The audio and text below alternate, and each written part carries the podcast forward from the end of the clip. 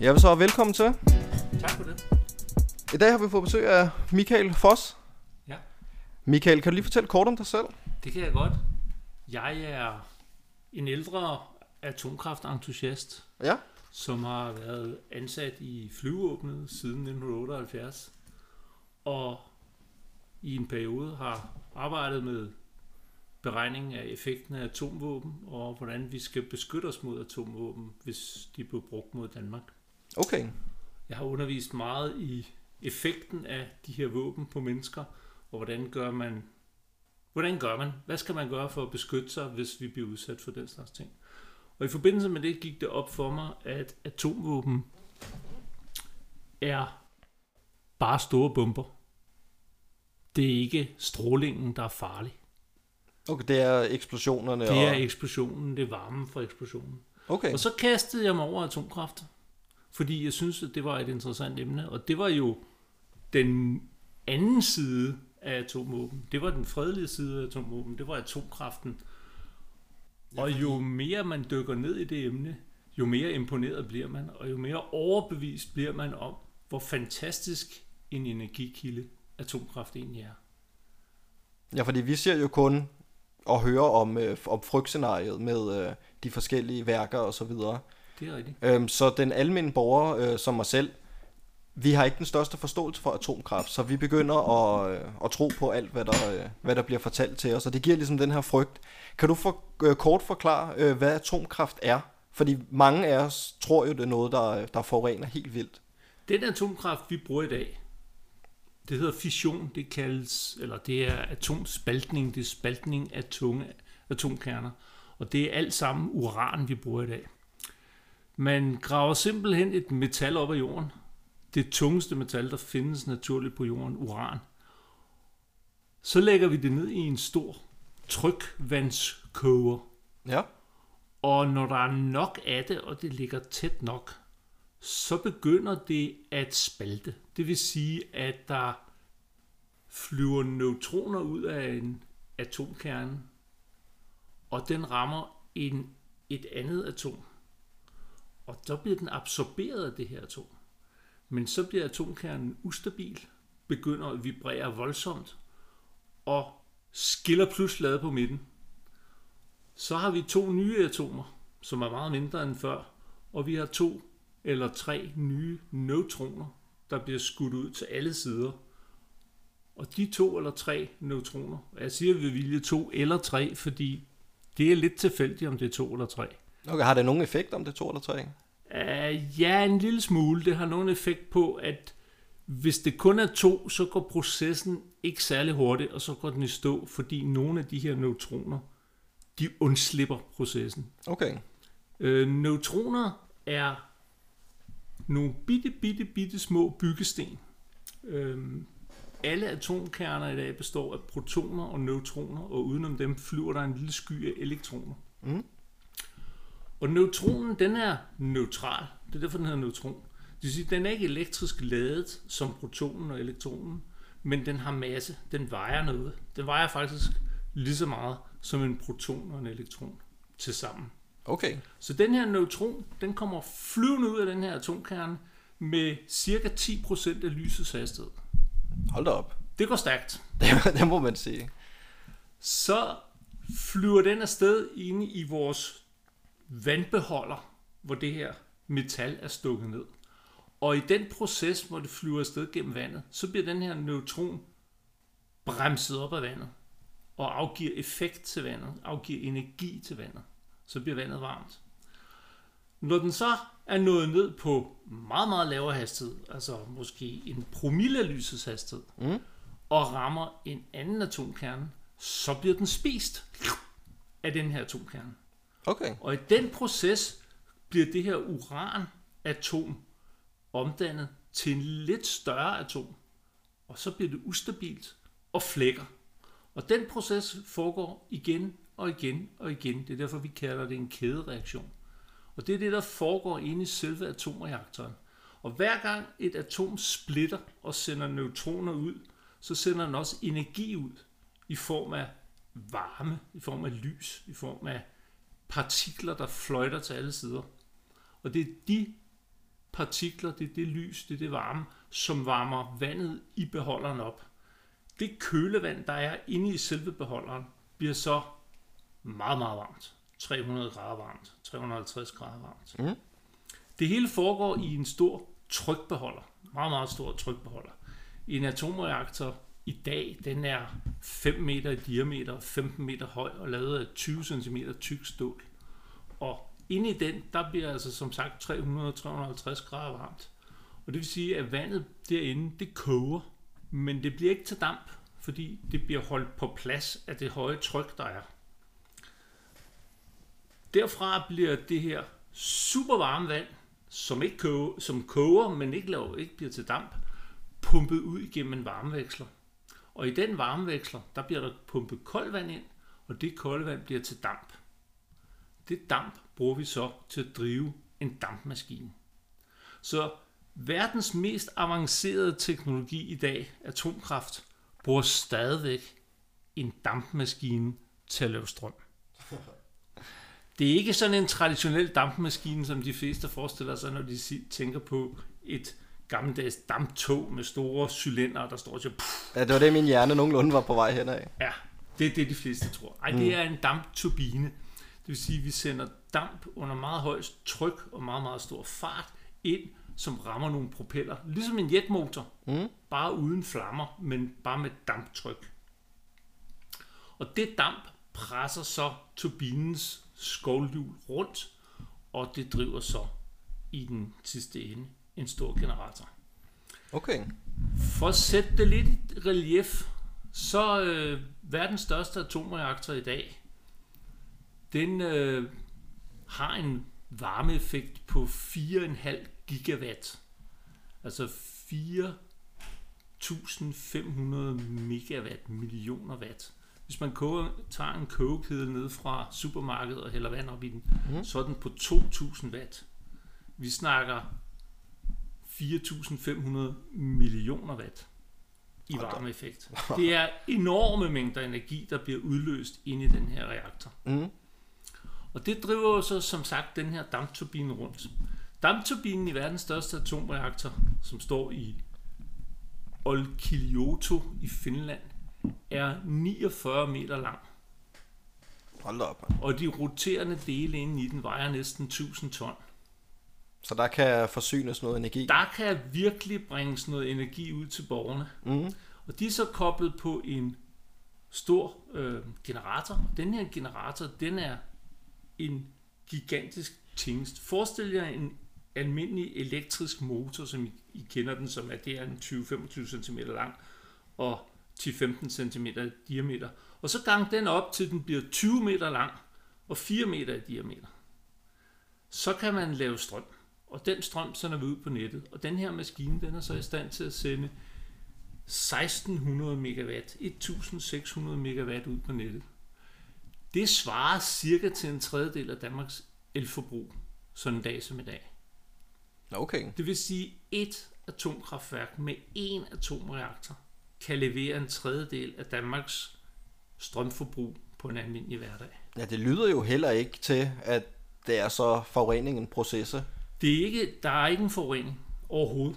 Altså, den her proces er en, er en øh, kernespaltning, der foregår inde i et fuldstændig hermetisk lukket rum. Mm. Der slipper ikke noget ud. Der kommer ikke røg eller møg ud på nogen måde. Der er ingen CO2-udslip. Der er- kommer ikke noget som helst ud af en kernereaktor, når den står og kører. Jamen det er jo det, vi har jo den her klimadebat, hvor vi skal være så CO2-venlige som muligt.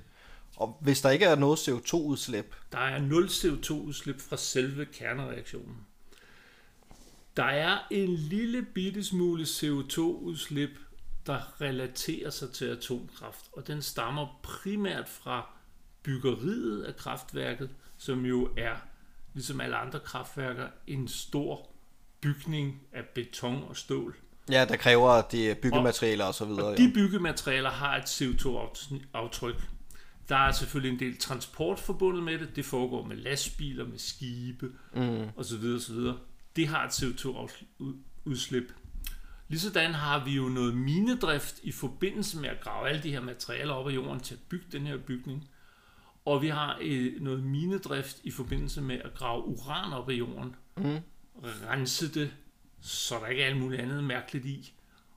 Og raffinere det, støbe det om til de her uranpiller, som sidder inde i reaktoren. Deri ligger CO2-udslippet. Så det betyder, at en atomreaktor i dag, der står og kører, dens CO2-udslip ligger primært under konstruktionen i den ene ende, og under adskillelsen, dekommissioneringen, nedrivningen i den anden ende. Og så er der en lille smule forbrug undervejs mm. fra minedrift til uran, der skal ind i kernen. Det betyder så også, at jo længere vi lader vores atomreaktor køre, jo flere år den får lov at stå og arbejde, jo mindre bliver CO2-udslippet per kilowatt-time. Fordi det er en fix portion i den ene ende, det er en fix portion i den anden ende, men energiproduktionen undervejs bliver jo større og større og større, jo længere vi lader den køre. Ja, lige præcis. Så vil de fleste så spørge, jamen, hvor længe kan en atomreaktor køre? Og svaret er, det ved vi faktisk ikke. Der er ikke en eneste atomreaktor i verden, der er blevet slidt op. Okay.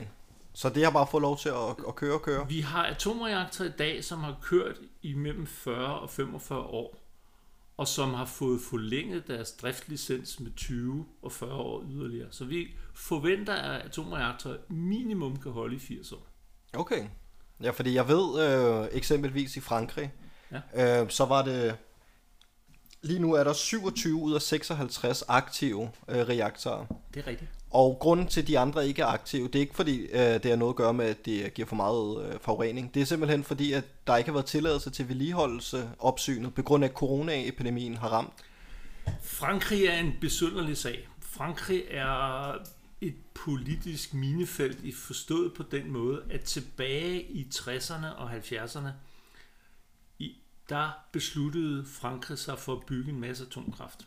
Er det ikke noget med, at de fik en oliekrise? Jo, vi så vidt fik jeg alle læst? sammen en oliekrise i Europa i 1973. Jeg er så gammel, så jeg kan faktisk huske, at vi havde bilfri søndag om, i 1973. Det har jeg faktisk godt nok hørt om.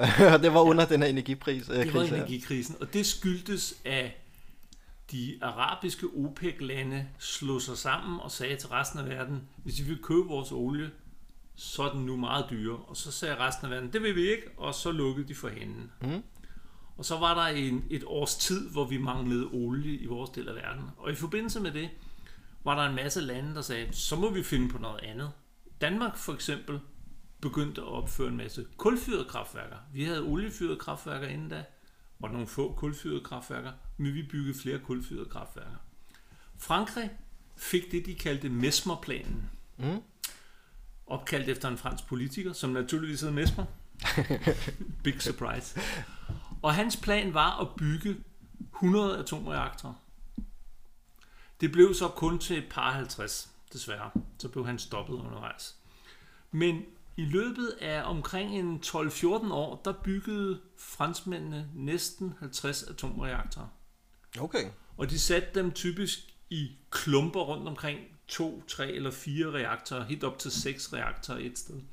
Og de satte dem med store floder ind i landet, således at de havde styr på, hvor de stod. Der var kølevand, og der var masser af energi til de byer, de stod i nærheden af. Mm. Og alle var glade for det. Og det betød, at Frankrig havde nogle af Europas mest stabile elpriser, og noget af Europas mest rene strøm overhovedet. Altså, de eneste i Europa, der havde renere strøm end franskmændene, det er nordmændenes øh, vandkraft og svenskernes vandkraft. Ja. Øh, formodentlig også Island, men dem plejer vi aldrig rigtig lige at sammenligne os med. Nej, for jeg læste noget med, at Island de begyndte at bruge meget geotermi. Ja. Øh, så hvor de opvarmer vand ned fra undergrunden af. Ja, geotermi er fantastisk, hvor man kan det. Mm-hmm. Det kræver, at man bor oven på en vulkan. Nej, vi, vi, vi lad lige holde os til Frankrig, Frankrig ja. Mesmerplan. De byggede så de her over 50 reaktorer på øh, 12-14 forskellige steder i Frankrig. Og alle var glade, som sagt. Og de fik lov at køre i mange år. Men så for en øh, omkring en 20 år siden, der begyndte dem øh, kampen mod atomkraft også at skinne igennem i, i, i Frankrig. Mm. Der har jo været en, en, en massiv modstand mod atomkraft i Europa siden slutningen af 70'erne. Og den nåede så vidt i Frankrig, at man begyndte at få politikere ind i regeringen, som vil af med atomkraft. Og de begyndte at modarbejde atomkraft i Frankrig. Jamen jeg tænker jo bare, at hvad du fortæller mig, hvis det har været så rent, og, øh, og det har givet god strøm og, og så videre, hvorfor fanden vil man så af med det? Det er ikke logik, der driver det her værk. Det Nej. må du lige tænke på. Det er ikke logik. øh, men franskmændene, de, de blev mere og mere anti-atomkraft. Og man nåede så vidt, som man på et tidspunkt i starten af 20, 20'erne, øh, hvor de 20, 3, 4 stykker, decideret indførte en lov, der sagde, at der måtte maks være 63 megawatt atom 63 gigawatt atomkraftstrøm i Frankrig. Resten skulle komme fra vind og sol. Og så begyndte flere og flere politiske kredse, og til sidst også den franske premierminister, at snakke om at udfase, frank, udfase fransk atomkraft. Mm. Som på det tidspunkt, hvor man diskuterede det, udgjorde omkring 75% af deres strømforbrug. Så skulle det reduceres til omkring 50% af deres strømforbrug. Man vil simpelthen lukke de her rene atomkraftværker til fordel for vind og sol. Okay. Det gjorde man i en lang periode, det vil sige, man lukkede ikke nogen ned, men, men, men man forberedte sig på at lukke dem ned, mm. hvis man fik lov. Og det vil sige, at man sparede selvfølgelig på vedligeholdelsen. Ja. Alt, hvad der hed vedligeholdelse, alt, hvad der hed opgraderinger, og alt, hvad der hed nyt grej, det blev skudt ud, fordi vi skal jo udfase dem alligevel. Ah, på den måde. Da vi så når hen til den næste øh, epoke, der hvor vi får den nuværende premierminister i Frankrig, hvad er det han hedder? Han hedder Macron. Mm. Vi får Macron til magten, og han laver en kovending. Han siger, vi skal absolut ikke udfase atomkraft. Tværtimod, det atomkraft, vi har, det skal bringes i orden, og vi skal køre videre. Mm. Og så går man så i gang med at opgradere atomkraftværker. I den proces opdager man nogle fejl på nogle af de nyeste atomreaktorer. Nogle af de allernyeste atomreaktorer, dem har man nemlig modificeret på for at sætte noget ekstra køleanlæg på, noget ekstra nødkøleanlæg, fordi det havde de grønne for langt. Ja. Og der opdager man, der er opstået nogle fejl. Og når man opdager fejl på atomkraftværker, så lukker man dem. Ja, det jeg har nemlig også hørt, der er ekstrem øh, sikkerhed. Altså, fejl som på et passagerfly vil betyde, at ja, vi flyver videre et par, par dage nu, indtil vi kommer et sted, hvor vi kan reparere den. Mm. På et atomkraftværk vil lukke lige med det samme, Ja. fordi folk er panisk angst for atomkraft. Lige præcis. Hvis der er en, der falder ned ad trappen med en kop kaffe, så lukker vi atomkraftværket, fordi det, det er tæt på der, så, som det er. Mm. Og det er ikke en joke, når jeg siger det her. Øh, svenske atomkraftværker for eksempel, der er, der er det fyringsgrund, hvis du går ned ad en trappe uden at holde fast i gelænderet. Okay. For de Hold op. ikke have uheld. For Nej. det bliver brugt som argument for at lukke dem. Ja, lige præcis. Falde ned ad en trappe er nok til, at du kan få ballade med myndigheder. Hold da op, mand. Og så hysterisk er det. Ja. Nå, anyway, jeg er ude på et tidspunkt. Øhm, så man har simpelthen bevidst saboteret fransk og tysk og belgisk og alt muligt andet atomkraft, svensk, op igennem 90'erne, starten af 2000'erne, op til nu, stort Mhm. set. Og det betyder så, at vi nu står i en situation, hvor vi har færre atomkraftværker i Europa end nogensinde før. Og vi med gaskrisen, der er nu, mangler energi i enorme mængder. Mm. Og stadigvæk lukker de atomkraftværker ned.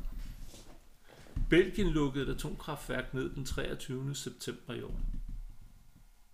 Det giver jo Det ingen giver mening. overhovedet ingen Ikke i en situation, som vi står i nu jo. Nej. Fra, f- Belgien lukkede Duel 3, som er en reaktor på 1000 megawatt. Det vil Mhm. sige, den svarer til cirka en femtedel af Danmarks energiforbrug. Den lukkede man den 23. september i år. Og det gik helt hen over hovedet på alt og alle. Der var ingen medier, der kommenterede det. Nej, overhovedet uden ikke. for Frankrig, eller for, uden for Belgien. Jeg hørte også noget med, at der var nogle atomkraftværker, der var blevet påsat øh, ildebrand øh, forskellige steder i verden.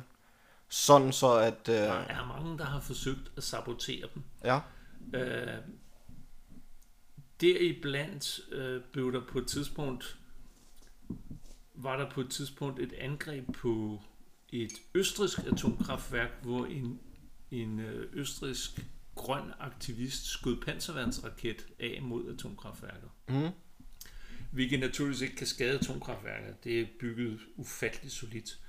Men det kunne skade de mennesker, der arbejdede der. Men øh, det skulle man jo synes, at det var jo ikke noget godt at gøre. Og det var det heller ikke. Han blev arresteret af politiet og fik en, en fængselsdom. Han er i dag parlamentariker. Han sidder i dag i den østriske parlament. Så det har altså ikke haft større konsekvenser for ham at sætte andre folks liv på spil ved at skyde en panserværnsraket af mod et atomkraft. nej, fordi havde der gået hul på værket, Det kan der ikke. Du kan ikke skyde hul i et atomkraftværk. hvad fanden var hans formål så med det? Enten så troede han, han kunne, Mm, eller mere sandsynligt, så var det bare et politisk stunt. ja. Ja. Meget, meget tåbeligt politisk stunt, for det kan ikke lade sig gøre. Du kan ikke skyde hul i et atomkraftværk. Mm, Lad os, lad os, det, kan vi, det kan vi jo tage nu, vi er i gang. Vi hører så meget om Ukraine, og at det største atomkraftværk i Europa, som hedder Zaporizhia, mm, som ligger i Ukraine, i den sydøstlige del af Ukraine. Det er jo faldet i russiske hænder for mange, for mange måneder siden. Og der har været en masse kampe og skyderier, og på et tidspunkt var der et decideret kampvognslag på parkeringspladsen foran Zaporizhia. ja, var det ikke der, hvor øh, der var nogle soldater, der havde gemt sig inde på værket? Jo, der var, der var ukrainske soldater mm. i nogle af bygningerne, og så kom russerne, og så gav de sig til at skyde på hinanden med forholdsvis tunge våben, og alle sad og sagde, åh nej, nu dør vi alle sammen, fordi der går hul i de her værker. Mm. Det gjorde der naturligvis ikke. Atomkraftværker i dag er pakket ind i ufattelig solide, tunge betonkonstruktioner. De går ikke i stykker. Du kan skyde på dem med en kampvogn, der går, der går ikke hul. Okay. Du kan ikke skyde hul i et atomkraftværk, medmindre du tager et våben, der er direkte er bygget til det, en såkaldt bunkerbuster, som er et øh, en, en tung bombe, som du kaster fra et fly, og som så har en raket i numsen, som sætter ekstra fart på den. Den kan slå hul i en bombe. Så man skal virkelig gøre noget ud over det ekstraordinære for at Ingen våben. af de våben, der er blevet brugt i krigen i Ukraine indtil videre, er i stand til at trænge igennem bygningerne ind til atomreaktoren. Okay. Hvis det så lykkedes dig at skyde hul i atomreaktorbygningen, som jo er den her store kuppelformede 30 meter i, høj, meter i diameter, 40-50 meter høj bygning, der står rundt om atomreaktoren, Mm. så mangler du stadigvæk at ramme selve reaktoren, som jo står inde midt i bygningen. Den står nede i en kæmpe stor betonklods, som er lavet af 2-3 meter tyk beton. Okay. Den står nede i den her store betonklods af to grunde. Den ene grund er, at betonklodsen fungerer selvfølgelig som fundament for den, men også som afskærmning for stråling, således at de mennesker, der er i bygningen, ikke bliver udsat for stråling. Mm. Så der var man opført en meget, meget, meget tyk betonklods, som reaktoren står nede i. Så selvom du skyder hul i bygningens to meter tykke betonvægge af, med ufattelig meget armeringsjern i, Mm. så kan, har du stadigvæk ikke ramt reaktoren. Nej. Og hvis du så skyder hul så langt ind, så du også rammer den betonklods, reaktoren står i, så Mm. skal vi lige tænke på, at reaktoren er altså lavet af 20 cm tykt, ikke millimeter, centimeter tykt stål. Så der skal virkelig noget til. Og du skal ramme lige præcis. Du skal ramme, og du skal ramme præcist, og du skal, du skal virkelig ville det. Mm. Så chancen for, at det sker, er meget, meget lille. Mm. Hvis vi så kigger på reaktorerne i dag, fordi med jævne mellem, så rum kommer det jo op, at hvad nu hvis, og så videre, og så videre. Men de seks reaktorer i Zaporizhia, de er i det, der hedder cold shutdown. Det vil sige, de er slukket ned og har været det i lang tid. Mm. De står og cirkulerer kølevand igennem dem for at holde dem kolde og holde dem intakte. Og skulle der gå hul på sådan en reaktor, lad os sige, at en eller anden galning rammer plet, Mm. Den her store bunkerbuster, sådan her 3-4 tons tunge bombe, går lige ned gennem taget, ned og rammer plet lige oven i reaktoren og slår stort hul i den. Mm. Hvad sker der så? Ikke en dyt. Der, er det fordi, den ikke er aktiv? For det første er den ikke aktiv, mm. så der er ikke noget damptryk ind i den, så der er ikke noget, der siger pff, Mm. som sådan en større trykkoger, der farer ud til alle sider. For det andet, så er det jo faste materialer. Atom, brændstoffet, det er jo metalrør. Ja. Ja. 4 meter lange metalrør med uranoxid piller indeni. Det, det er fast materiale. Selv hvis du lykkes dig at sprede det ud over et større areal omkring øh, reaktorbygningen, Mm. så er det stadig et fast materiale, som i øvrigt ikke er vandopløseligt. Så det kan regne lige så tosset det ved. Det ligger der. Okay, og det er det, man også vil kalde atomaffald. Det er, det er atomaffaldet. Det ligger der. Det er radioaktivt. Mm. Hvis du går hen og samler det op, har du et problem. Holder du dig på afstand, og der mener jeg nogle få hundrede meter, mm. så er du i sikkerhed. Okay. Det er ikke noget, der vil blive spredt rundt. Nå, for hvad vi har set på film og så videre, der har skabt den frygt, så er det jo nærmest sådan nogle grønne masser, der bare gasser folk, og man bliver deform, og jeg ved ikke hvad. Altså virkelig, virkelig voldsomme skræmmebilleder, ikke? Men det kan jeg jo godt høre, det lyder jo ikke til, at det er så slemt. De fleste mennesker har desværre deres indtryk af, hvor farlig atomkraft er fra film Helt sikkert. og fra The Simpsons. Det er ikke, det er ikke grønt flydende... Nej, det er det ikke. Men er det- ikke, det er det, det, jeg tænker, flydende masse. De det, fleste er, baserer deres frygt på sådan Ja. noget der, ikke? det, det, det er faste materialer. Mm. Det, det, der er ikke noget af det, der er flydende. Det, det er faste stoffer. Det, det er små øh, 12-15 mm i diameter, 2 cm lange, sorte lakridsklodser, der vejer godt til, fordi det er tungmetal. Mm. Det er sådan nogen, der vil ryge ud og blive spredt. Det vil betyde i første omgang, at man bare vil lade dem ligge. Flyt dig væk fra området, så er du i sikkerhed. Så ligger det der. På et eller andet tidspunkt vil man så sige, nå, vi må hellere gå ind og rydde op. Mm. Men nu er det jo sådan, at de her piller, de er radioaktive, så de er faktisk forbavsende nemme at finde. Du kan finde dem med en detektor. Mm. Uanset hvor langt væk de er røget, så ligger de jo og annoncerer, jeg er her. Jeg sender præcis. stråling ud. Så du kan tage en radioaktiv detektor, og så kan du, hold nu fast, tage en støvsuger. Og så kan du gå ud og støvsuge området. og det lyder fuldstændig vanvittigt, når man siger, at man tager en støvsuger og en detektor. Men det er rent faktisk sådan, militæret har planlagt at rydde op Okay. efter sådan nogle ting. Det er specialister, der har beskyttelsesudstyr på, de har åndedrætsværn på, så de ikke kommer til at indånde et eller andet støv og skidt og møg, der ligger. Mm. Og så går man ind i området med en detektor foran sig, og så, så går man simpelthen efter, hvornår detektoren den begynder at snakke højt. Og så siger man, når den ligger der, og så suger man den op. Det er Og sådan kan man blive ved. Indtil man har samlet det hele op. Og det er Mm. nemt at finde ud af, at man har samlet det hele op, fordi man går jo rundt med sin detektor. Ja, lige præcis. Og hvis du tager den samme detektor og tager til Tjernobyl-området i dag, mm. Det er 37 år siden Tjernobyl-reaktoren brændte, går rundt med den, så siger den klik, klik, klik, klik, klik, klik. Tager du den samme detektor med, og går ind og tager metroen inde midt i København, så siger den klik, klik, klik, klik, klik, klik, lidt hurtigere. Strålingsniveauet i metroen i København er lidt højere, end det er i Tjernobyl-området i dag. Okay. Ja, fordi lige nu har vi, får vi jo at vide, at Tjernobyl er fuldstændig ubeboeligt, og man kan dårligt nok være derinde, uden du for strålinger på dig, og virkelig skræmme historie. De lader den jo bare være, som det står, øh, efter ulykken og op- oprydningen, ikke? Og så står det bare der. Ligesom et spøgelse, man skal kigge på og bare tænke. Altså ligesom vi, vi skal mindes om, der er sket noget forfærdeligt her, og alt det der, ikke? Tjernobyl var en, en, en lidt anden historie. Øh, de 7.000 mennesker, der bor i området og har boet der siden ulykken, de vil nok være lidt uenige med historien om, at der er ubeboeligt. Der bor 7.000 mennesker i området. Og hver sommer, nok ikke den her sommer, der kommer, fordi det er krig, men hver sommer kommer der 40-50.000 turister på besøg i Tjernobyl-området og Mm. går rundt og kigger på det her, for det er jo det er jo en tidslomme, det er jo sovjetisk byggeri, sovjetisk teknik fra 80'erne, som står tomt. Ja, ja, det er jo et Og historisk naturen- sted. Naturen er fuldstændig overtaget. Det er et af de flotteste naturreservater i Europa. Mm. Der er dyr alle vegne.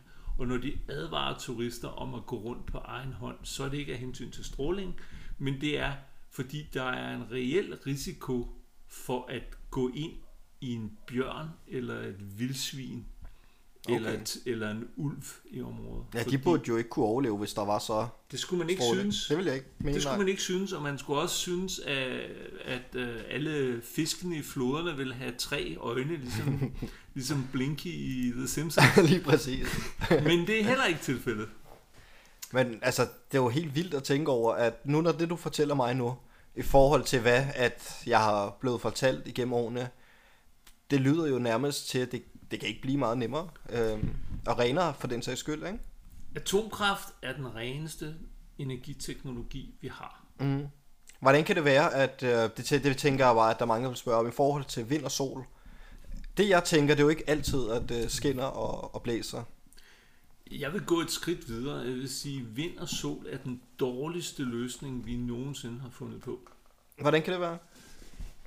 Vi brugte vind og sol i gamle dage. Hvis du skulle sejle fra Danmark til England, så satte du dig op i et sejlskib og håbede på, at vinden var i den rigtige retning. Mm. Hvis du skulle sejle fra England til Indien, dengang Indien var en, en koloni under England, øh, og det, du planlagde at tage afsted i starten af 1800-tallet, så skulle du sætte cirka 6 måneder af til rejsen. Mm. Hvis du så vil hjem igen, så var du nødt til at vente til den rigtige sæson, så vinden var vendt den rigtige vej, så du kunne sejle hjem igen. Det vil sige, en, en round trip, tur-retur til Indien, det tog cirka to år. Ah, det er fandme også en lang tid. Det var en lang tur, og det var fordi, det var vind, der mm. var i førersædet. Ja, ja, lige præcis. Lige så snart mennesket kunne og havde udviklet dampmaskiner, så gik vi over til at sejle for maskinkraft. Mm. Så hele ideen om, at vi skal vende tilbage til vind, er at vende tilbage til 1800-tallet, 1700-tallet, 1600-tallet. Ja, Det, også for- det er helt absurd. Vi kan jo heller ikke forsyne alle husstande, tænker jeg, kun med øh, at, at tro på, at vind og sol kan, kan gøre det. Fordi netop som du siger, er der helt vindstille, er der ikke så meget sol, så skal vi jo have noget til at bakke op, ikke? Jamen det er ikke bare det, der er problemet. Selvfølgelig kan vi godt gøre det i et land som Danmark. Danmark er et superrigt land i forhold til så mange andre lande. Så vi kunne måske nok i Danmark komme op med en eller anden løsning, hvor vi havde bygget en overkapacitet af vindmøller, der var så gigantisk, at vi kunne klare os lige akkurat. Mm. Men det ville kræve, at vi byggede 10-15 gange mere vindkapacitet, end vi har i dag. Okay. Så det, det, det i sig selv er utopisk. Mm. Det næste, den, den næste ting, folk de, de tror er, er velegnet, det er så solenergi. Øhm, alle jeg kender, der har solceller, de er jo meget glade for dem, fordi uha, de leverer gratis strøm. Og når man så går dem tættere på klingen og begynder at måle på anlægget, så finder man ud af, ja, de leverer strøm cirka en 17-18 procent af tiden om sommeren, der hvor solen skinner mm. fra en skyfri himmel. Men dog bliver det kun til en 17-18 procent af, hvad de burde kunne levere. Og om vinteren i december og januar måned, er de nede på mellem 1 og 2 procent. Ja, der skal også til at se, det er jo ikke lige der, man husker hvis sommeren. du, hvis du skal drive dit land med solceller, og du baserer det på den kapacitet, du har i december måned, så skal du bygge cirka 50 gange så meget solcellekapacitet, som du har brug for. Mm. Plus, at du skal have en måde at lagre den her energi på. Mm. Og hvis dit svar er batterier, så har folk slet ikke forstået kemien i batterier. Batterier er elendige. Batterier er den dårligste måde at, at, at gemme energi på. Det er ikke helt rigtigt. Men batterier, det vil kræve en enorme mængder batterier. Altså vi snakker milliarder af batterier for at gemme bare Danmarks energiforbrug Mm. i december måned. Og forestil sig nu, at vi får en periode i december måned, og det gør vi jo med jævn mellemrum, hvor det er koldt, det er tåget, og det er mørkt Ja. i en 3-4-5 dage. Så er det jo ikke nok, at du har gemt en dags forbrug. Du skal kunne gemme en hel uges forbrug. Ja, ja, lige præcis. Og så kan du gange det hele med 10. Det lyder jo helt uoverskueligt. Det, det er helt uoverskueligt. Derfor så er der jo mange af, af, af de firmaer, der laver solceller og vindmøllesystemer i Danmark, der foreslår det, de kalder PTX, Power to X. Og det går i sin enkelhed ud på, at når der er for meget strøm, hvilket der sjældent er, men når der er for meget strøm, så skal vi sende strømmen hen til en fabrik, som så spalter vand, således at vi får ilt og brint ud af det. Mm. Og så vil vi gemme brinten og bruge den som brændstof. Mm. Det lyder jo som en god idé, fordi brint er et fantastisk effektivt brændstof. Men brint sidder rigtig, rigtig godt fast med sin ilt i det, der kaldes vand. Så det kræver rigtig meget energi at skille ilt og brint ad, når vi har vand. Mm. Det kræver ufattelig meget energi. Det vil sige, at vi skal sende meget energi ind i processen for at lave brint. Så er det næste problem, hvad skal vi så gøre med den her brint? Skal vi, skal vi brænde den? Skal vi bruge den i, i, øh, i brændselsceller, hvor den indgår en kemisk forbindelse med ilt og laver strøm direkte? Hvordan skal vi bruge den her brint? Mm. Kan jeg hælde brint på min dieselbil? Naturligvis ikke. Hvis du hælder brint i tanken, så pff, Ja, præcis. fordamper det bare. Så hele PTX kæden af energi i dag har tab, der ligger på omkring 75-85 procent. Hold op. Så hvis du tager en solcelle, et solpanel på dit tag på, skal vi sige, 6 kW. Mm. Det er sådan noget almindeligt, man ser på et parcelhustag, hvor den hele den ene facade er dækket af, af, af solceller.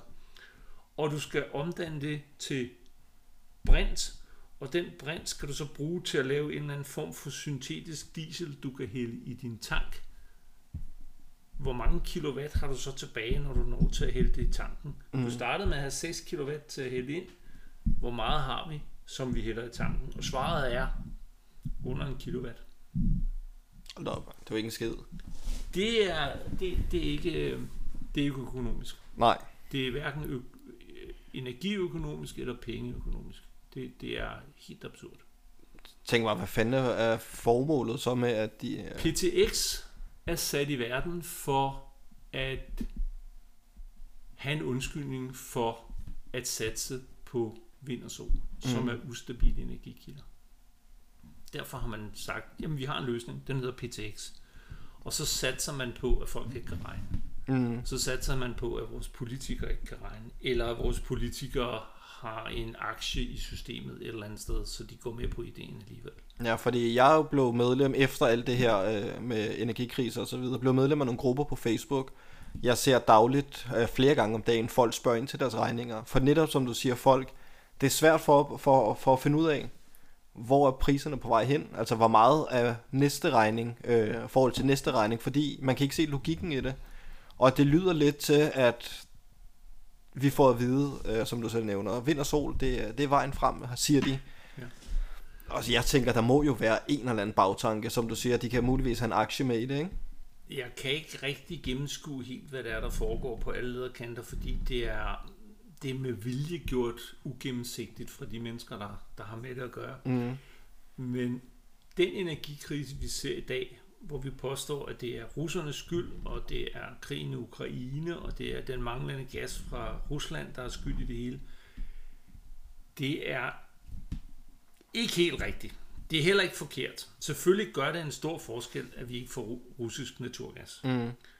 Men det, der gør den store forskel, det er, at hvis vi rykker tilbage til 2010 og kigger på Tyskland, vi, vi skal lige have for øje, at hele elnettet i Europa hænger sammen. Mm. Så hvad tyskerne gør ved elnettet, har betydning for, hvad franskmændene gør, hvad østrigerne gør, hvad italienerne gør, hvad spanierne gør, hvad danskerne gør, hvad svenskerne gør, hvad nordmændene gør, hvad englænderne gør. Det Okay. hele hænger sammen.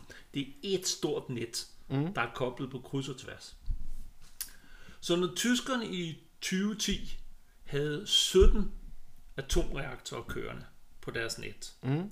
som leverede 30% af deres strøm, så begynder de at lukke ned for de her atomreaktorer, og begynder at købe mere og mere naturgas af russerne. De bygger så også en masse vindmøller, men da vindmøller ikke er stabile, mm. så er de nødt til ved siden af det at bygge nøjagtigt den samme kapacitet i form af gaskraftværker, som de lukker atomkraftværkerne. Okay. Og det har de gjort. Bygget en masse, atom, øh, masse gaskraftværker i Tyskland. Ja. Samtidig med det lukker. Så den her krise, den startede altså tilbage i, i 2010, hvor de begyndte, ja 2011 faktisk, hvor, hvor man for alvor begyndte at lukke de her tyske atomkraftværker. For hvad skete der i 2011? Fukushima-uheldet. Lige præcis. Det var i 2011. Man havde taget en beslutning om, at man ville udfase tysk atomkraft, men det var blevet sat på hold af Angela Merkel, da hun kom til magten. Mm.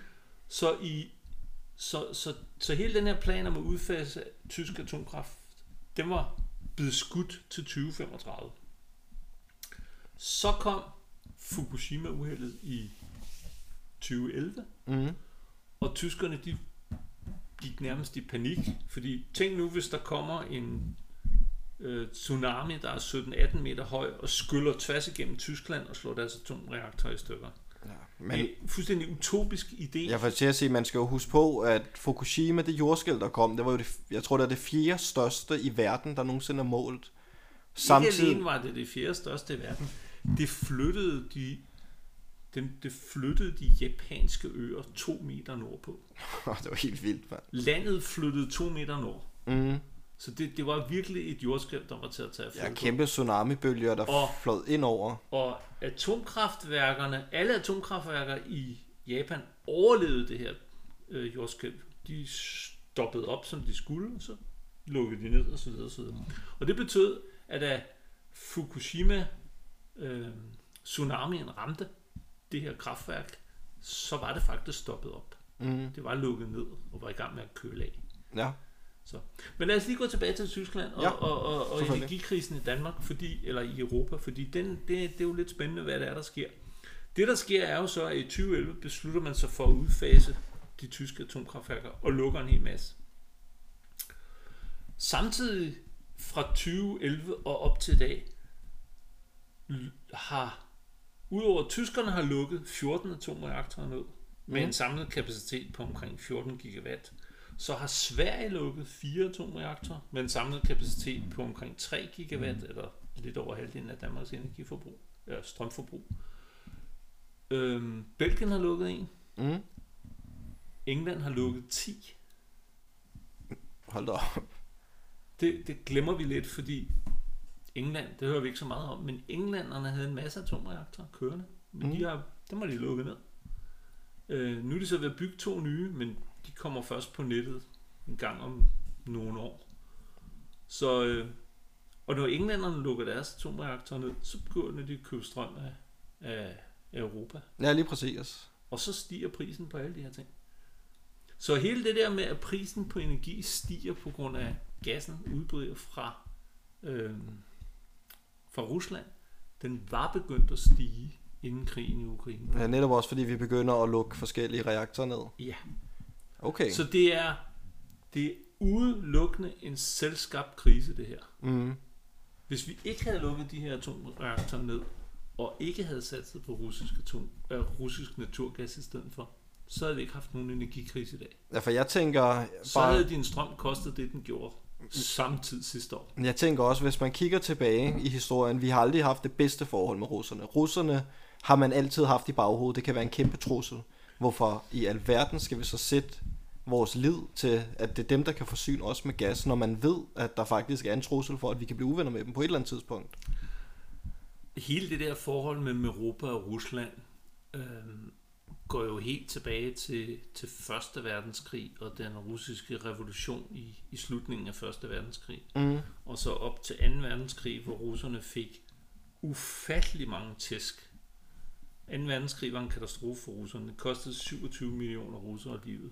Så russerne var meget forståeligt lige efter krigen temmelig paranoide over for, at det skulle ske igen. Mm. Øhm, og så har der været en masse politiske slagsmål og en masse krige mellem Rusland, eller Sovjetunionen og USA per stedfortræder i alle mulige lande. Lige præcis. Altså alle de få alle de forfærdelige krige, der har været i Afrika i 60'erne og 70'erne og 50'erne osv. Det var jo stedfortræder krige mellem USA og Rusland. Mm, Jeg kan også huske i Libyen her, så USA gav den ene halvdel, Rusland gav den anden halvdel. Præcis. Det var helt sindssygt. Og så lægger vi vores Vietnam. lid på der. Vietnamkrigen. øh, en masse af de der borgerkrige i Sydamerika, hvor russerne støttede den ene side, og amerikanerne den anden, osv. Afghanistan-krigen har jeg også hørt, at øh, nogle af de køretøjer, afghanerne brugte, ja. Eller Taliban brugte, undskyld, det var øh, gamle russiske. Øh, Ja. Det er jo helt sindssygt at tænke over. Så er det dem, vi lægger vores lid til Ja. at få vores energiforsyning. Ja. Og jeg tænker jo logisk, også hvis jeg var politiker, så ville jeg tænke, hvis vi bliver uvenner med russerne, så kan de jo cutte vores energi stort set, som de har gjort nu, ikke? Men der var penge i det. Lige præcis. Alt drejer sig om penge. Desværre. Hvis du, hvis, og ikke nødvendigvis penge på lang sigt, meget, meget kortsigtede fortjenester. Hvis du vil tjene penge her nu, så er det det, vi gør. Mm. Og når så Tyskland i den grad sælger sin energisikkerhed til russerne, så var det jo fordi, at der var en masse tyskere, der kunne tjene en masse penge på det. Det er så dumt, mand. Ja, set i bagklogskabens skarpe lys var det ikke særlig intelligent, men, men det er der, vi sidder i dag. Det Ja, var, ja. Det, var der, vi sidder, det er der, vi sidder i dag. Og den krise, vi ser nu, er på ingen måde over. Slet, slet ikke. Altså, øh, krigen mellem Ukraine og Rusland er ikke over. Den kan køre lang tid endnu. Øhm, og hvis ikke Rusland genoptager forsyningen af naturgas til Europa, og det gør de næppe, så kommer den her krise til at vare længe, indtil vi finder nogle andre alternativer, eller vi bliver intelligente nok til at genstarte vores atomkraftværker. Ja, for det er lidt ligesom om, Og der det er sidste en nægter panik. vi hårdnakket. Ja, det er det, det er, at der er en panik nu. Hvad fanden gør vi? Ja. Øh, Ja. Og det er lidt ligesom os, at os borgerne, vi får lov til at betale prisen for Sådan er det i tidligere alle, valg, ikke? sådan er det i alle krige. Det er den lille mand på gulvet, der kommer til at betale hele gildet. Helt sådan sikkert. Er, sådan er det. Og- og lige nu er vi i en absurd situation, hvor, hvor, hvor vi virkelig mangler energi lokalt i, i Europa, til trods for, at der er rigelig energi på verdensmarkedet. Mm. Så det, det, er, det, er, det er bizart. Og problemet er, at vi har satset på naturgas. Kul kan du sejle ind i et stort skib og lægge på jorden. Mm. Olie kan du sejle ind i et stort skib og lægge op i en stor tank, og en stor tank kan du bygge på en måned. Mm. Naturgas? Nej. Naturgas er en gas. Du kan godt nok sejle den ind i flydende form, i, form, i det, der hedder LNG. Men du kan ikke bare lægge den fra dig nogen steder. Du skal have et naturgaslager. Du skal have rør til at distribuere det ud gennem hele landet osv. osv. Så når, når Europa, og det er ikke bare Tyskland, det er hele Europa, har satset i den grad på naturgas, så har vi jo bygget pipelines alle mulige og umulige steder ud til alting. I Danmark har vi lige fået en pipeline, der går fra norsk gaslager, ud, eller norsk, i Norge, ikke? Norsk øh, gasforsyningssystem ude i Nordsøen, tværs hen over Danmark til Polen. ja, den hedder Baltic, øh, nej, hvad hedder den? Det er lige meget, hvad den hedder. Jamen, jeg læste noget, at Danmark øh, håbede lidt på, at de måske også kunne få lov til at trække lidt derfra. Jamen det kan vi jo, fordi det, vi, har jo, vi har jo kompressorstationer og alt muligt andet undervejs, der mm. står i Danmark, så selvfølgelig kan vi tage noget gas ud, men, men ikke uden at betale for det. Øh, og Danmark har jo selv sin, sit, sit kæmpe store naturgassystem, som distribuerer gas. Og nu snakker alle vores politikere om, at vi skal væk fra gassen, til trods for, at vi har investeret gigantiske summer i den. Så Mm. det giver ikke så meget mening, det der foregår. Nej, så ser man også, at øh, var det Nordstrøm 2 der, den blev angrebet, som de påstår. At, Det var både Nord Stream 1 og Nord Stream 2, der blev sprængt. og så, Der er fire rør. Øhm, Nord Stream 1, som var den første, som blev lavet for 12 år siden cirka. mm, Den er sprængt to steder, begge rørene. Og det ene sted, der mangler der en kvart kilometer rør. Så det har været noget af en bombe, de har lagt om på der.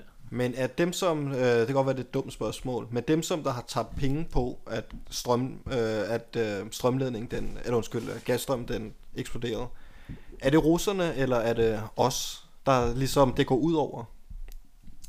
Det går ud over begge, begge parter, fordi det går naturligvis ud over os og den tyske og europæiske økonomi, at vi ikke har naturgas nok. Mm. Og det kan man se, der er flere og flere tyske fabrikker, der går ned i, i tempo, og der er især meget energitunge fabrikker i Europa, som er lukket. Dem, der for eksempel laver kunstgødning, de bruger enormt meget naturgas. Mm. Både til rent faktisk at lave ammoniak af gassen, som man bruger i kunstgødning, mm. men også at det er en energikrævende proces, hvor de bruger gassen til at lave energien med.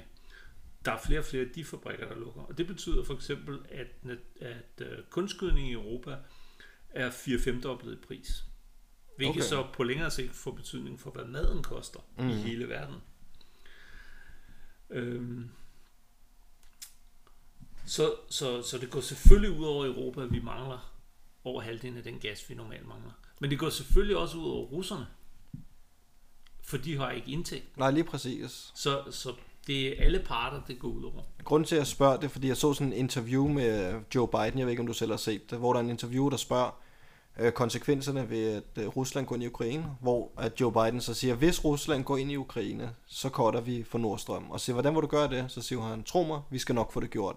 Rusland går ind i Ukraine, så, øh, så sker der det her, ikke? Og jeg tænker bare, at øh, enten så er det meget åbenlyst, han siger det, og, eller også så er det bare helt vildt tilfældigt. Naturligvis har amerikanerne og alle mulige andre militære organisationer rundt omkring i verden, inklusive danskerne, overvejet, hvordan lukker vi for de her rør, mm. de her pipelines, der ligger på havbunden, og de ufattelig mange kilometer højspændingsledninger, der også ligger på havbunden, mm. som er meget, meget sårbare. Det har man overvejet gennem mange år. Hvordan gør man? Hvordan skal vi forsvare det? Hvordan skal vi lukke det ned? Så, når- så når Biden siger, at han kan lukke for gasledningen, så var det jo åbenlyst, for det så vi jo, at det kan de. Ja, ja. Men jeg ved ikke, om jeg vil sige, det er åbenlyst, at det er amerikanerne, der har gjort det. Nej, Fordi der er besynderligt nok ikke nogen, der vil tage ansvaret for det nu. nej lige præcis. Øhm, Jeg har bare set rigtig mange konspirationsteoretikere og så videre prøve at koble de to ting Ja. sammen, fordi det lyder jo også virkelig ja. som om, at han det, bare har siger jeg også, det, ikke? det har jeg læst en masse om, og der er også virkelig mange, der taler om, at det må være en eller anden større militær organisation, der har gjort det, fordi det er meget kompliceret, osv. osv. osv. Mm. Øhm, Det er derfor, jeg tænker, hvem vil det gavne, at det skete? Så kunne det være, at man måske kom et skridt tættere på, men det er jo ikke engang sikkert, at... Øh... Hvem vil det gavne, at det skete? Ja, det er et godt spørgsmål. Øhm, man kan også vente om at sige, som mange gør, det er naturligvis ikke russerne, der har gjort det, for det var deres gasledning. Omvendt kan man så sige, ja, men det er en vink med en vognstang om, at vi kan afbryde en hvilket som helst energiforsyning i et hvilket som helst sted i verden, mm. hvis vi vil. Ja, lige præcis. Den anden side af, af sagen, kan man så, sige. Ikke? Så, så der er begge muligheder. Helt der, sikkert. Der er virkelig begge muligheder vi- for, for, hvad man kan gøre der. Og vi finder nok aldrig ud af, Hvordan oh, og det gør vi nok. Der er nok no, en dag nogen, der står frem og siger, at det var os, der gjorde det, men det er umuligt at svare på, hvornår det bliver. Nej, nej, det er jo det. Det er jo også bare i fremtiden, øh, hvad der sker, ikke? Men det, altså, det er jo helt vildt. Jeg har hørt også noget, at du nævnte, inden vi optog, at din elregning også var steget ekstremt ja, meget. Min, jeg har en bondegård, øhm, og min kone har et studeri på den bondegård. Vi har 30 heste stående. Så vi bruger en del strøm, og øhm, sidste år, der brugte vi omkring en 5-6.000 kroner om måneden i strøm om, på det her tidspunkt af året. Og vores sidste elregning, den var på 19.000 kroner. Hold da op, mand. Så det er, det er ikke sjovt, når man pludselig skal have fire gange så mange penge op i lommen for, for at købe strøm. Og hvad det, fanden, hvad fanden gør du så? Øh, ja, spiser lidt mindre. Drikker lidt mindre kaffe. Skruer lidt ned for varmen. Slukker nogle af lamperne rundt omkring. Jamen, jeg synes bare, det er helt vildt, men, at... men det er, det er vanvittigt. Og når man, når man, som vi har en bondegård, som jeg siger, så kan man jo ikke bare... Man kan ikke holde op med at fodre dyrene. Man kan ikke holde op med at pumpe vand op af brønden til at give dem vand med. Så det, man er bare nødt til at, at spænde bæltet lidt ind og så sige, det er de ting, vi har at gøre med. Altså, Derfor pro- problemet er, at du har jo ikke gjort noget som helst for, at det skulle gå ud over dig på den måde. der. overhovedet ikke. Det er rent politisk. Det er øh, rent politisk, og det er storpolitik på et plan, som vi i Danmark ikke kan påvirke ret meget. Mm-mm. Men vi påvirker jo alligevel storpolitikken lidt. Øh, for Danmark er jo verdenskendt som en grøn nation. Og vi sælger vindmøller til alle, alt og alle. Og når en, en dansk øh, international, eller hvad hedder det, en dansk regeringsdelegation tager til et eller andet land i verden, så har de jo altid vindmøllefabrikanterne med i snor bagefter sig. Mm. Eller også er det omvendt. Det er vindmøllefabrikanterne, der har politikerne med i snor. Det Så de kan få solgt nogle produkter. Så de kan få solgt nogle produkter. Og når Danmark går rundt i, øh, i Afrika og giver ulandsbistand, som de så smukt kalder det, Mm. hvis man kigger på alle de projekter, ulandsprojekter, som Danmark har haft i, i især i Afrika, så er rigtig mange af dem jo gået ud på, at vi giver jer nogle penge mod, at I bruger de penge til at købe vindmøller eller mejerier, eller noget tilsvarende i Danmark. Øh, så, så hvor meget hjælp er det? øh, Hvor meget hjælp er det at give et tredjeverdensland, som i forvejen har ustabil energiforsyning, vindmøller, så de får mere ustabil energiforsyning? Præcis. Det, det, det er ikke sådan, det skal gøres. Ej, helt sikkert. Det er ikke sådan, det skal gøres. En anden ting, som, er, som, som jeg godt vil tage fat i debatten om, det er jo, at øh, vi, får jo, vi får jo med jævne mellemrum at vide af vores politikere, at det går utrolig godt med den grønne omstilling i Danmark, og vi får 50-60% af vores energi fra øh, renewables, fornybare kilder, hvad kalder man nu, grønne kilder. Mm. Og det er jo en sandhed med meget store modifikationer. For ikke at sige, at det er en lodret løgn. Så kender man dem igen, skulle jeg til at sige. Når vi snakker, når, når vi snakker vindmøller og solceller, så er det strøm. Det er strøm, de leverer. Mm. Men hvis man tager Danmarks totale energiforbrug, så udgør strøm kun en femtedel. 20 procent cirka. Okay. De resterende 80 procent, det er benzin og diesel, som vi hælder i køretøjerne. Det er naturgas og biomasse, som vi bruger til at varme vores bygninger op med, og til at drive vores, øh, vores kraftvarmeværker med, som, som, øh, som laver fjernvarme. Mm. Det er, det er kul til, til vores kraftværker. Det er olie til vores skibe, til vores fly, til vores industri.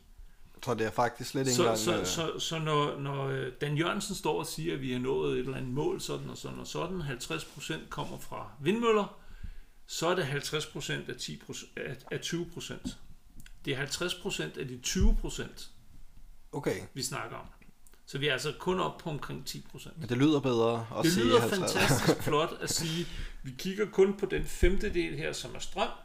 Resten, det glemmer vi lige. Mm. Og så kigger vi på den, og halvdelen af det kommer så fra vindmøller. Ja, det er flot. Så vi har dækket cirka 10% af vores samlede energiforbrug ved at bruge de sidste 30 år på at bygge vindmøller.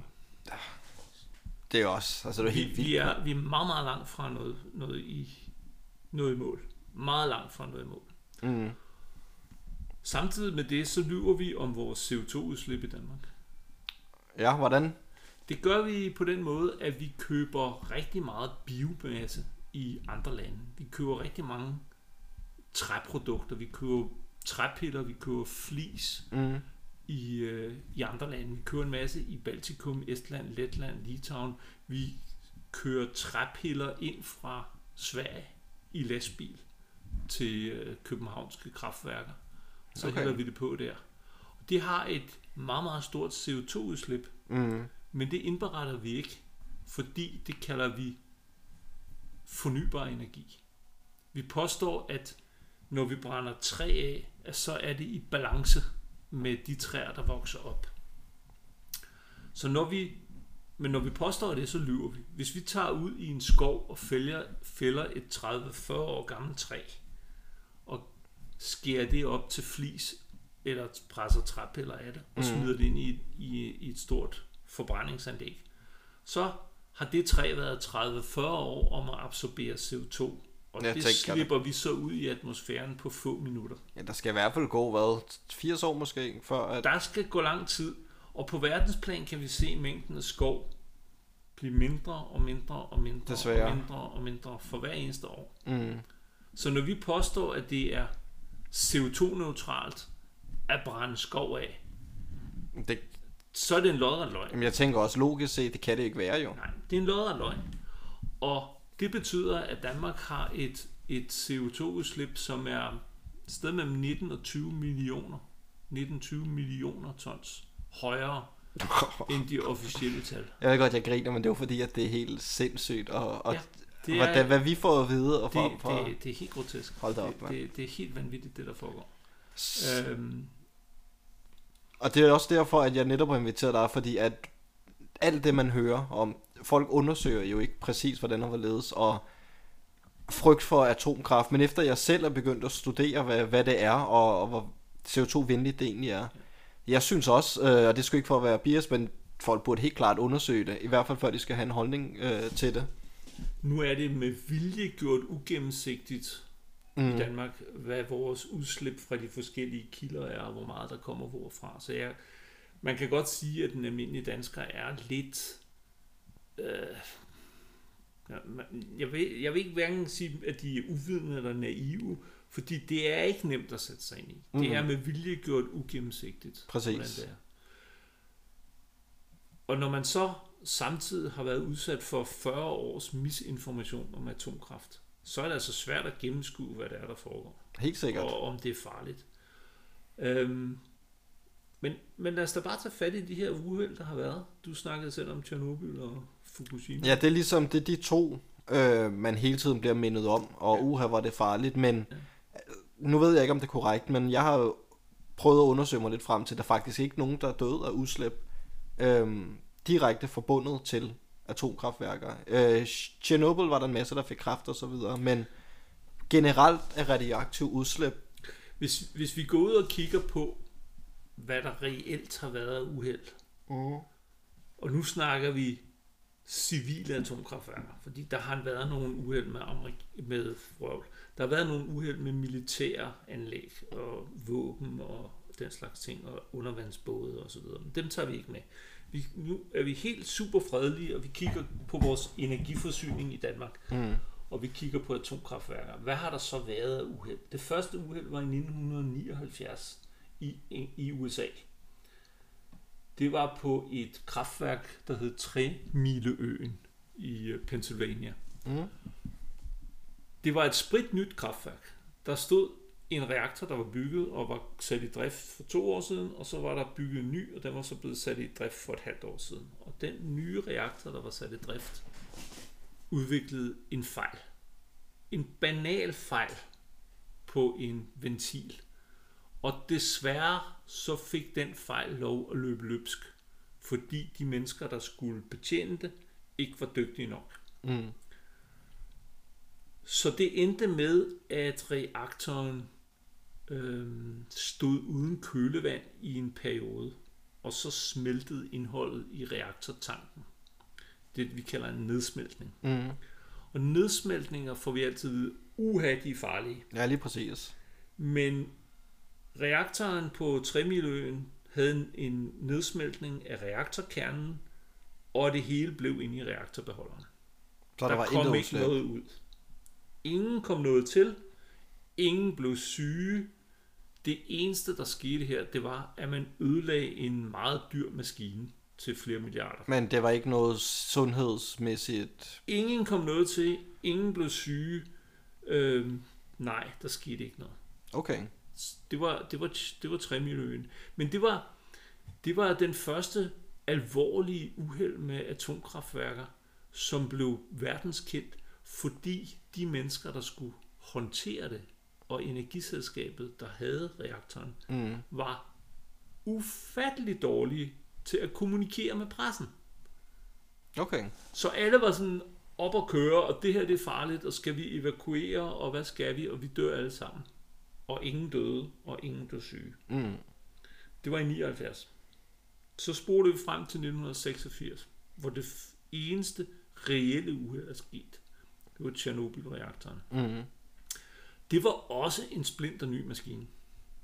Den var cirka to år gammel, og det var i øvrigt nummer 4.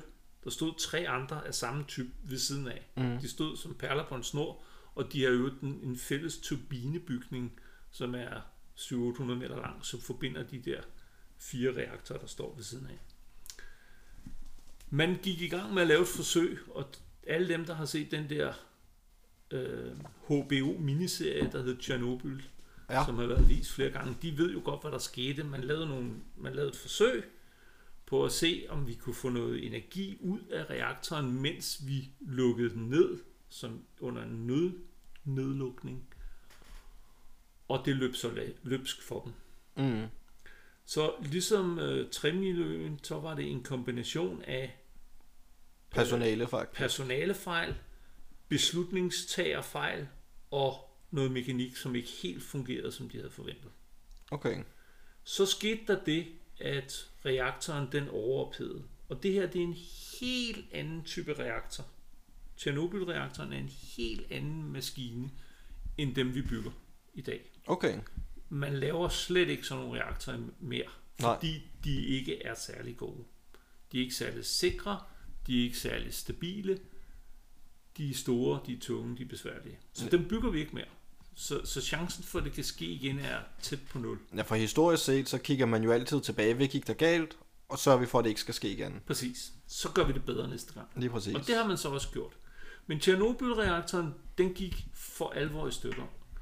Den blev så varm, så alt det kølevand, der var i den, Mm.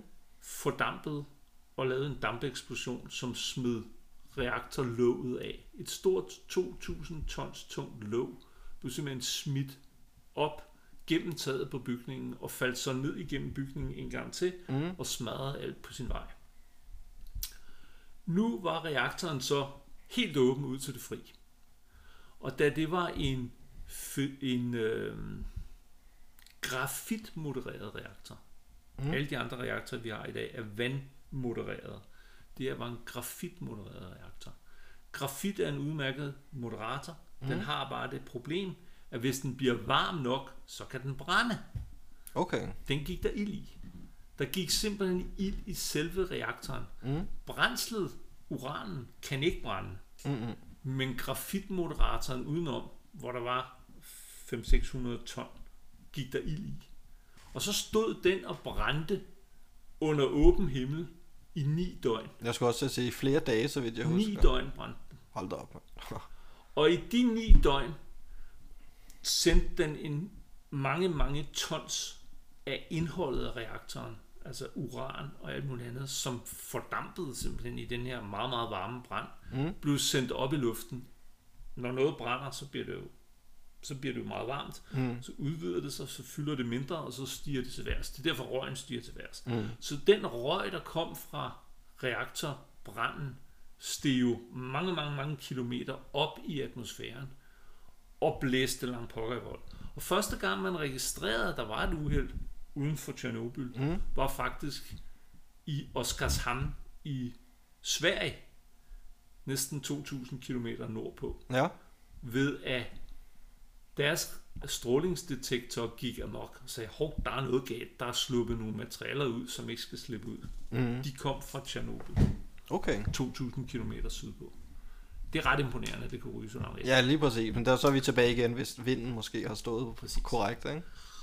Øhm, Men er der nogen... desværre sendte man så det lokale brandvæsen ind for at slukke branden. Ja. Det var en kæmpe fejl. Det skulle man ikke have gjort. Og hvis man ikke havde sendt brandvæsenet ind for at slukke branden, så havde antallet af døde ved uheldet kun været to.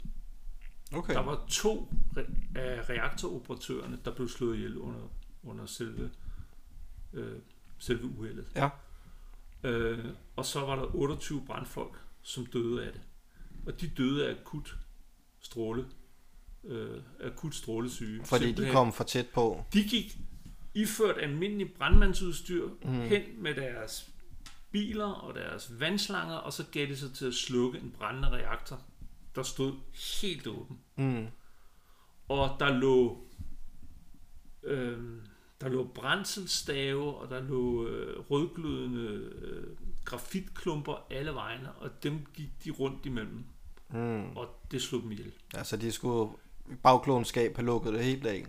De skulle aldrig have sendt brandvæsenet ind. Nej. Man slog 28 brandfolk ihjel, fuldstændig forgæves, for de havde ikke en kinamand chance i helvede for at slukke den brand alligevel. Så der er ikke nogen beboere, eller nogen, der har boet tæt på, eller hvordan? Værket lå jo et stykke væk fra den lille lokale by Pripyat. Mm. Og beboerne i Pripyat, det her skete midt om natten, de lå og sov. Mm. Og de hørte et ordentligt buller i, i det fjerne, så de stod op og stod og kiggede og tænkte, hvad fanden er det, der sker? Øhm, men der var ikke nogen af dem, der døde af det. Okay. Vi skal så lige have med i historien, at fordi det her var reaktor nummer 4, hvad skete der så med reaktor nummer 1, 2 og 3, Mm. som stod ved siden af? Jo, de kørte skam videre. Reaktor nummer 3 delte ovenikøbet bygning med reaktor nummer 4. Den stod på den anden side af en 1 meter tyk betonbrandmur og kørte lykkelig videre, mens alt det her stod på. med hele sin besætning af operatører og teknikere og mekanikere, der gik rundt og arbejdede. Og lige sådan kørte turbinehal og alt det der, med alle dampturbinerne, mm. det stod og kørte videre, mens reaktoren i den anden ende brændte. Hold da op. Så det vil, de kan alligevel Og klare lidt. ikke? reaktor nummer 3 blev først lukket i år 2000. Okay. 14 år efter uheldet. I 14 år efter uheldet Har kørte bare kørt. reaktor nummer 3, som stod i samme bygning som mm. reaktor 4. Ja, så, så farligt kan det jo i princippet heller ikke have været. Desværre skete der så det, som der jo tit sker, når der går politik i den, mm. at man overreagerede helt vildt og gav sig til at evakuere en frygtelig masse mennesker. Og det var en menneskelig katastrofe ud over alle grænser. Man Mhm. skulle aldrig have evakueret de mennesker. Det der skete, det var, at man flyttede flere hundredtusind mennesker fra området. Mm. og man flyttede dem langt væk. Og det betyder, at de her mennesker, som havde hus og hjem og arbejde og bondegård og, og øhm, hvad, arbejdede på kraftværket og alt muligt andet, de blev flyttet langt pokker i vold. 50, 60, 100 km væk fra området. Mm. Og nu skulle de bare være der. Og der var jo selvfølgelig ikke nogen steder, de kunne bo. Og de mennesker, de blev flyttet ud til, de byer, de kom hen til, de var bange for dem, for de troede, at radioaktiviteten smittede. Ja, lige præcis. Så de her stakkels mennesker, de blev isoleret. Hold da op, mand. Dem var der ingen, der ville omgås. Og det vil sige, at folk, som arbejdede i Tjernobyl-området og blev evakueret, gik fra at være velfungerende mennesker med, med familie og bolig og arbejde, til nu at være sådan en slags spedalske, som ingen vil omgås, langt pokker i vold fra deres boliger. Igen, endnu en ting, de ikke har noget. Har Det gjort. har de ingen indflydelse på, de kunne ikke gøre en skid. Og resultatet ved var selvfølgelig, at mange af de her mennesker gik fuldstændig til socialt og, og, og psykologisk mm. i druk og narkotika og misbrug og vold og alt muligt andet. Mm. Det var, det var en kæmpe katastrofe. Og vi ved i dag, at det dummeste, vi kan gøre med sådan nogle katastrofer, det er at evakuere folk. Det må man bare ikke gøre, for de skal blive boende der, hvor de er. Mm. Men det er netop fordi, at Og så gjorde vi præcis det samme ved Fukushima. Evakuerede, ja, der blev folk nemlig også evakueret. evakuerede næsten 200.000 mennesker med nøjagtigt de samme problemer, som vi, ser i dag, som vi så ved Tjernobyl. Præcis det samme. Folk, der, der gik fra at være velfungerende borgere til at være flygtninge i eget land.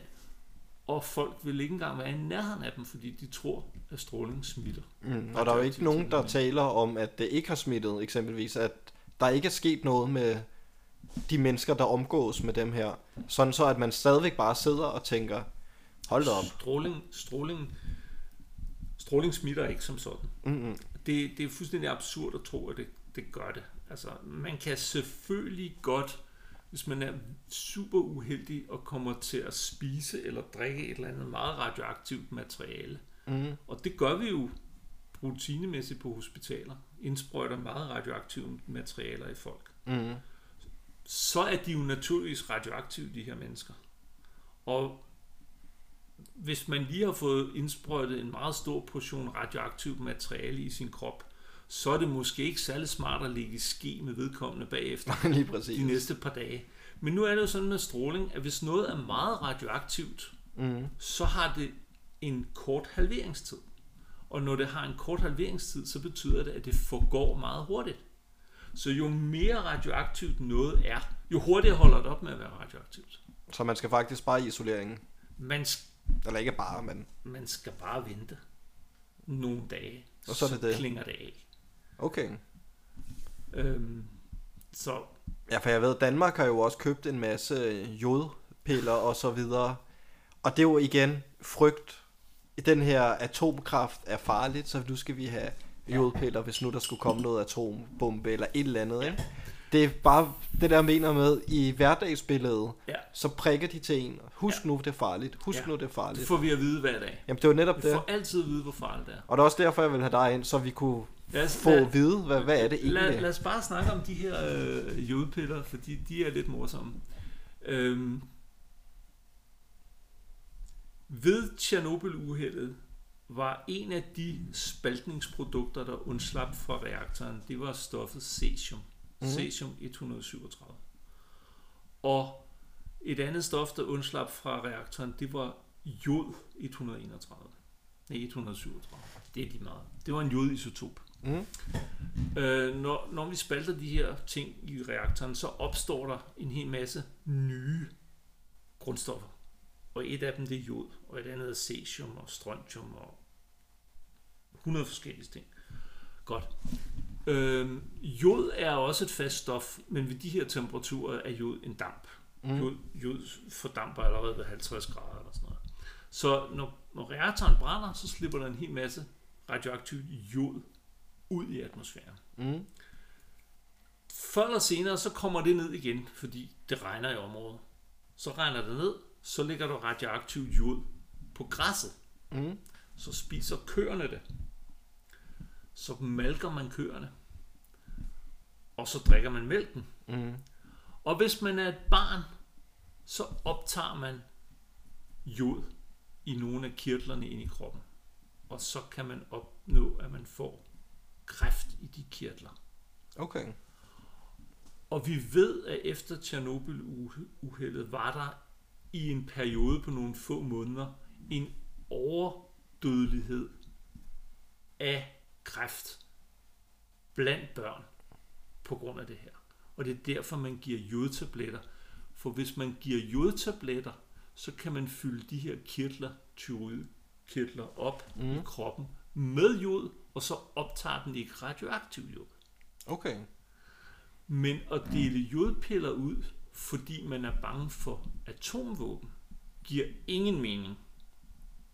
Nå, for jeg tænker også... Fordi hvis man sprænger atomvåben af, så er der meget, meget, meget lidt radioaktiv jod til stede. Mm. Ufattelig lidt, og det fordamper i en sådan grad, så det ser vi aldrig mere. Så det er bare et billede på... Ja. Det næste er, at jod, radioaktiv jod, den isotop af, af jod, som er radioaktiv, den har en halveringstid på 8 dage. 8,1 dag. Mm. Cirka 8,2 dage. Det vil sige, F, hvis, hvis du sender lad os sige, 1 kilo radioaktivt jod ud, efter 8 dage er der et halvt kilo.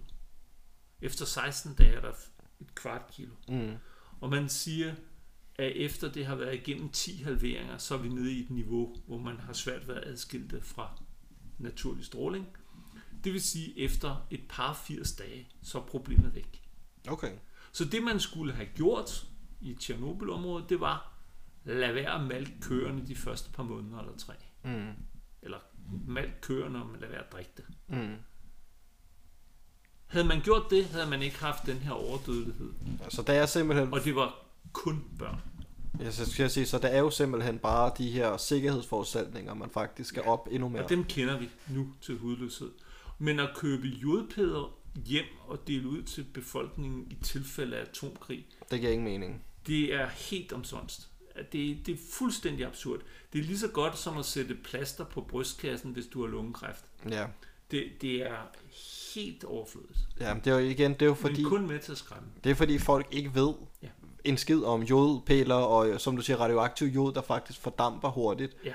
Fordi det giver mening for mig nu, når jeg får det forklaret. Og jeg, nu, nu tænker jeg også først, så er det sgu da dumt med de her jodpiller, hvis det alligevel når at fordampe. Altså jodpiller er i forbindelse med krig er fuldstændig omsonst. Helt, helt, helt overflødigt. Altså, en anden ting, vi skal være opmærksom på i forbindelse med radioaktive materialer, det er jo, at, at noget er radioaktivt er jo ikke ensbetydende med, at det er farligt. Du skal også i nærheden af det. Mm.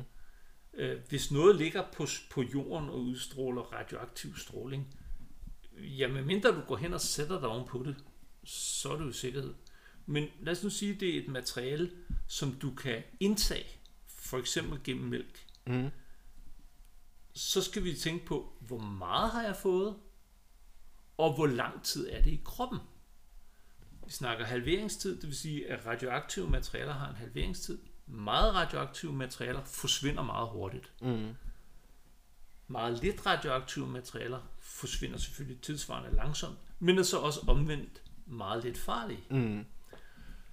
Hvis jeg går hen og lad os nu sige, at jeg i et anfald af galskab gik hen og samlede sådan en uran tablet op, der lå efter en eksploderet reaktor. Den gik jeg hen og samlede op med, med to fingre mm. og slugte den. Vil det slå mig ihjel? Nej, sandsynligvis ikke.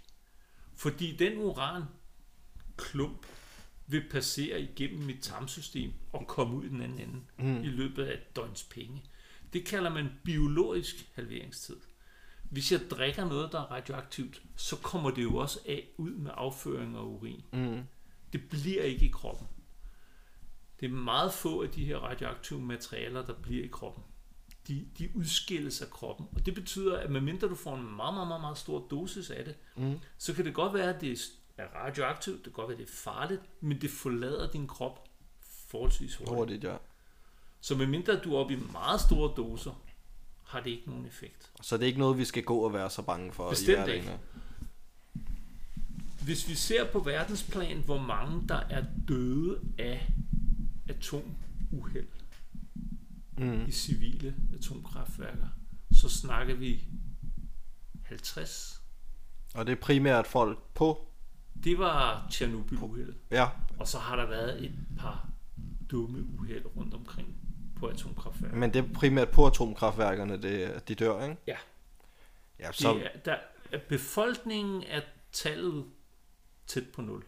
Det, det er så godt som umuligt at komme i, i, i, i, øh, i forbindelse med nogen, hvor man kan sige, vedkommende er døde af det her. mm. Tjernobyl-uheldet havde omkring 50 døde i alt. Og du nævner mange af dem var endda brandmænd. De 28 af dem var brandfolk, som ikke skulle have været der i første omgang. Mm. men det vidste de ikke. Øhm, Fukushima-uheldet, som jo var det næste i Japan, hvor den her kæmpe store flodbølge ramte. Nul døde, nul syge. Men det var jo, altså det er jo, var, jo, var jordskælvet og tsunamien, der, der gjorde det hele, kan man sige, ikke?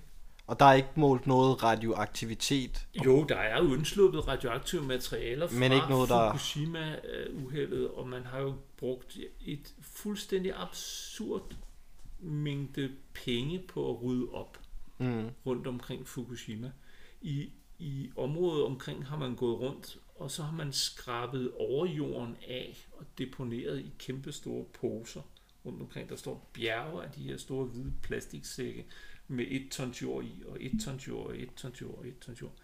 De står alle vegne, og man aner ikke, hvad man skal gøre ved dem. Men problemet med det er jo, det var fuldstændig overflødet.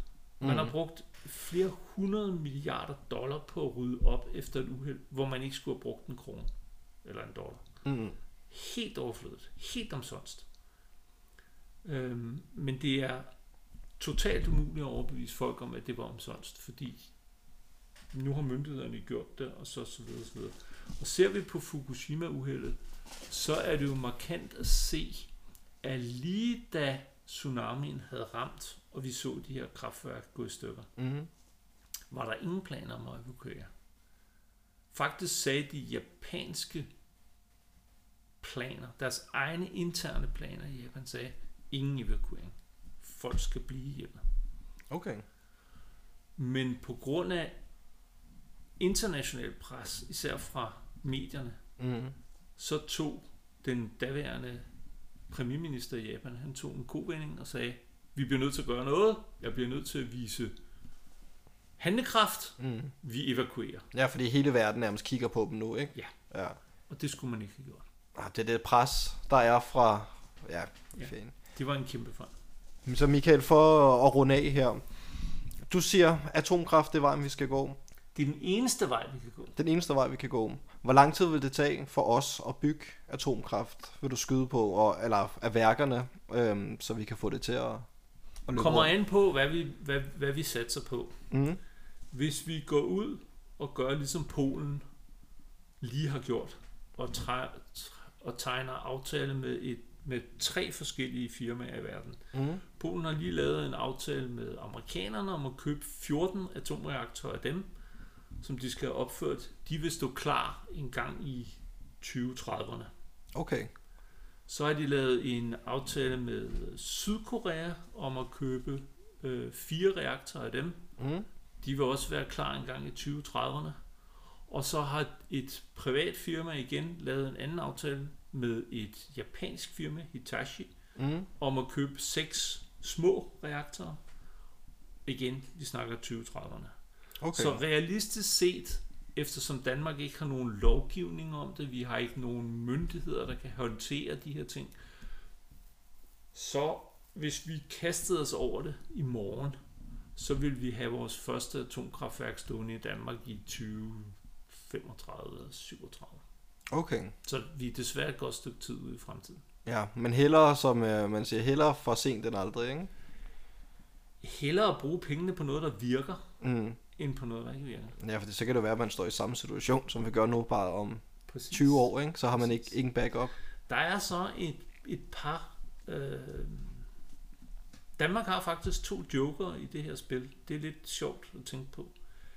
Danmark har to private firmaer, som er i gang med at bygge atomkraft. I Danmark. Ikke i Danmark, for det må man ikke. Nå. Men vi har to danske firmaer. Vi har Copenhagen Atomics, som ligger i Søborg.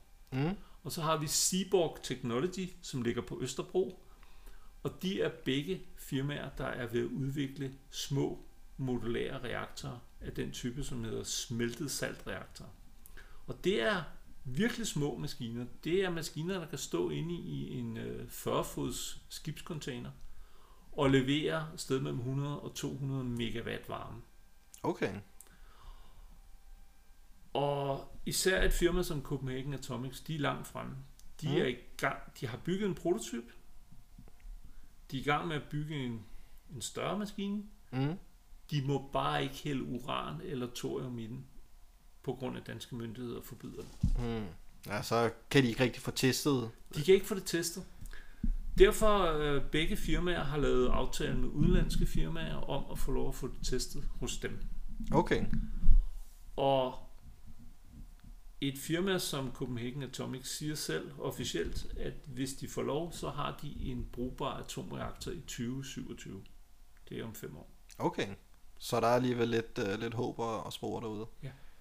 Til gengæld er den ikke så er det stor, så vi skal bruge temmelig mange af dem. Mm. Øh, og Men- hvis vi skal have, som vi snakkede om før, vi skal have dækket hele vores energiforbrug, ikke kun vores elforbrug. Mm. Vi skal væk fra alle de fossile brændstoffer, vi bruger. Mm. Vi skal væk fra kul, olie og naturgas. Så skal vi have ret mange af de her maskiner. Mm. Og kigger vi på de helt store atomreaktorer, som dem Polen for eksempel lige har bestilt, så skal Danmark have en 12-14 stykker af dem. Okay. Skal vi så omvendt have de små modulære reaktorer, som, som uh, Copenhagen Atomics og Seaborg Technology de arbejder med, Mm. så skal det tal ganges med 10. Ja, præcis. Så, men i det mindste, så er der udsigter for, at der kan ske noget, og den er ikke gået helt i stå, den her, øh, altså det der med atomkraftværker, no-go eller et go, det er ikke gået helt i stå, der sker alligevel noget inden for Der faget. sker rigtig meget i øjeblikket. Der er på verdensplan 56 atomkraftværker, der vil blive bygget. Sådan.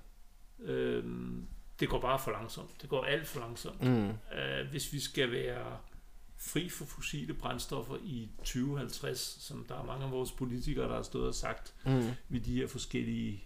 COP. De vil bande det fra mønter. 2030, og så håber de på, at Ja. det er udfaset Hvis, helt. hvis, vi skal, hvis vi skal hen til vi er fossilfri i 2050, så skal vi bygge to af de helt store reaktorer hver dag de næste 30 år. Okay, så er der godt nok et øh, godt stykke vej til. Folk har, og jeg har selv svært ved at vikle mit hoved rundt om det, vi har ingen forståelse for de enorme mængder energi, verden bruger.